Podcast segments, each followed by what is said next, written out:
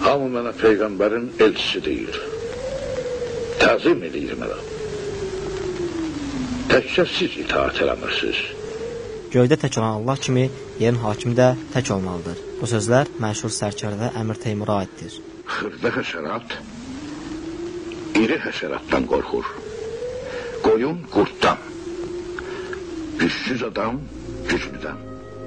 Əmir Teymur 1336-cı il 9 apreldə Mərkəzi Asiyada Keş şəhərinin yaxınlığındakı Hoca İlqar kəndində dünyaya gəlir. Onun uşaqlıq və gənclik illəri Keş dağlarında keçir. Uşaq yaşlarından hərbi oyunlara böyük maraq göstərən Teymur gənc olarkən ov etməyi, nizə tullanmağı və ox atmağı çox sevirdi. Tarağayın yanında qulluq edən təbəələr 10 yaşından etibarən Teymurun tərbiyəsi ilə məşğul olmaya başlayır. Eyni zamanda ona idman oyunlarını və hərb sənətinin sirlərini öyrədirlər. Teymur çox cəsur və təmkinli insan olur. Ayıq mühakimə yürütmə keyfiyyətinə malik olan Teymur ən çətin anlarda düzgün qərarları qəbul etməyi bacarır.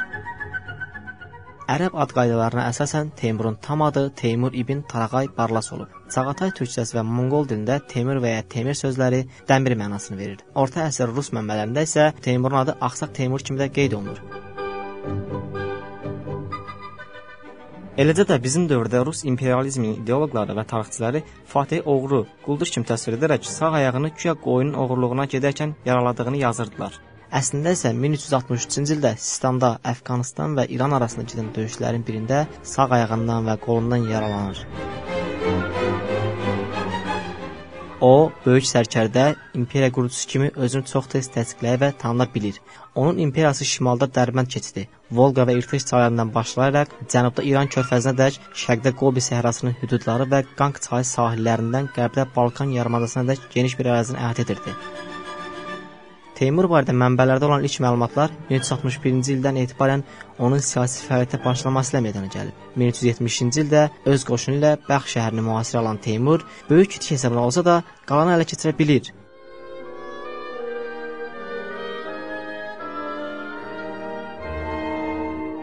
Çingizlilər sülaləsindən olmadığı üçün Teymur formal olaraq böyük xan titulu daşıya bilmir. Elə buna görə də o özünə əmir titulunu götürür. 1370-ci il aprelin 9-da Bəxtdə Mavarənnəhr ölkəsinin əmiri elan edilir. Əmir Teymur Səmərqənd şəhərini özünə paytaxt seçir. O, dərhal uzun müddətdən bəri tamamilə dağıdılmış ölkədə quruculuq işlərinə başlayır.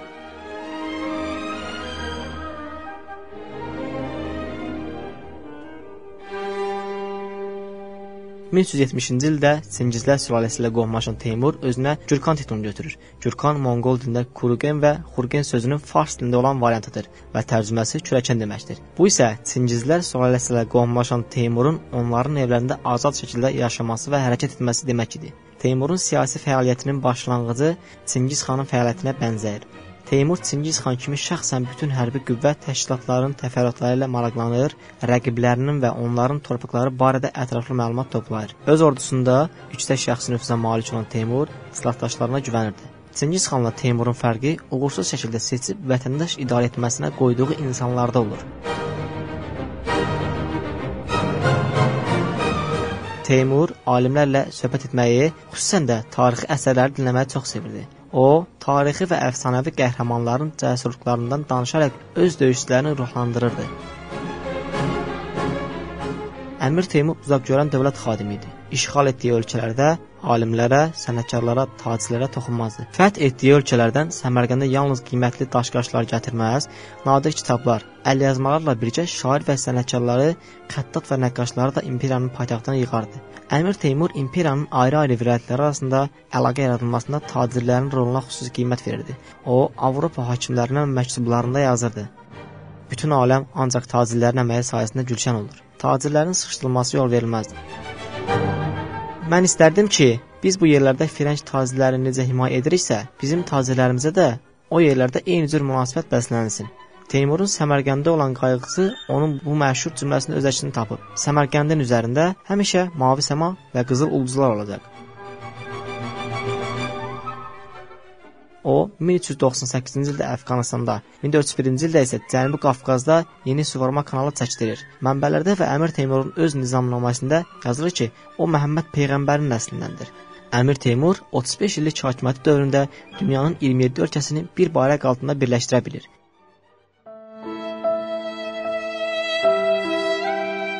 1405-ci ilin soyuq fevral gecəsində Asiyanın yarısını fəth etmiş 69 yaşlı Əmir Teymur qədim Otrar şəhərində ölüm yatağında idi. O, hələ də həkimi Fəzlullahın onu ölümün pəncəsindən xilas edəcəyinə inanırdı. Buna görə də Çinə hərbi səfərin təxirə salınması haqqında fikirləri qəti rədd edirdi. Teymur həmişə olduğu kimi yenə də Ulu Tanrıya bu səfərin də zəfərlə başa çatması üçün dualar edir. Ondan möhlət istəyirdi. Artıq fevralın 17-si idi. Səhər Fəzlullah özündə cəsarət tapıb əmrə deyir ki, vəsiyyətini etsin, yoxsa gec olar. Teymurun yaxınları onun yatağı önündə yığılırlar. Güclə danışan əmir yalnız bir neçə söz deyə bilir. Məni Seyid Bərkənin ayağı altında bastırın. Bir də ki, nə olursa olsun, qılıncı əlinizdə möhkəm tutun. Zəifliyi qəlbinizə yaxın buraxmayın. Zəiflik ağlınızı çaşdırar, ruhunuzu məhv edər. Qoymaz məqsədinizə çatasınız. Eşidirsiniz? Zəif olan məqsədinə çatmayacaq.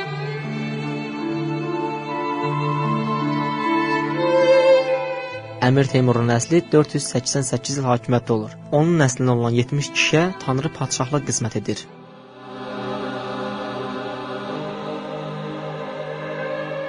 1941-ci ildə Stalin Gerasimov və bir qrup arxeoloqa Əmir Gür məqbərəsini açıb tədqiqat aparmağa icazə verir. Qazıntılar 16 iyunda başlanılır. Əvvəl nəvəsi Uluqbəyin oğullarını, sonra Teymurun oğulları Miranşah və Şahruxun cənazəsini yerindən çıxarırlar. Alimlər iyunun 21-dən 22-sinə keçən gecə Teymurun sərdabəsinə düşürlər. Əmir Teymurun qəbir daşını yerindən tərpədəndə ətrafa qətran, kamfra, qızılgül və buxur ətindən qarışıq boğucu qoxu yayılır.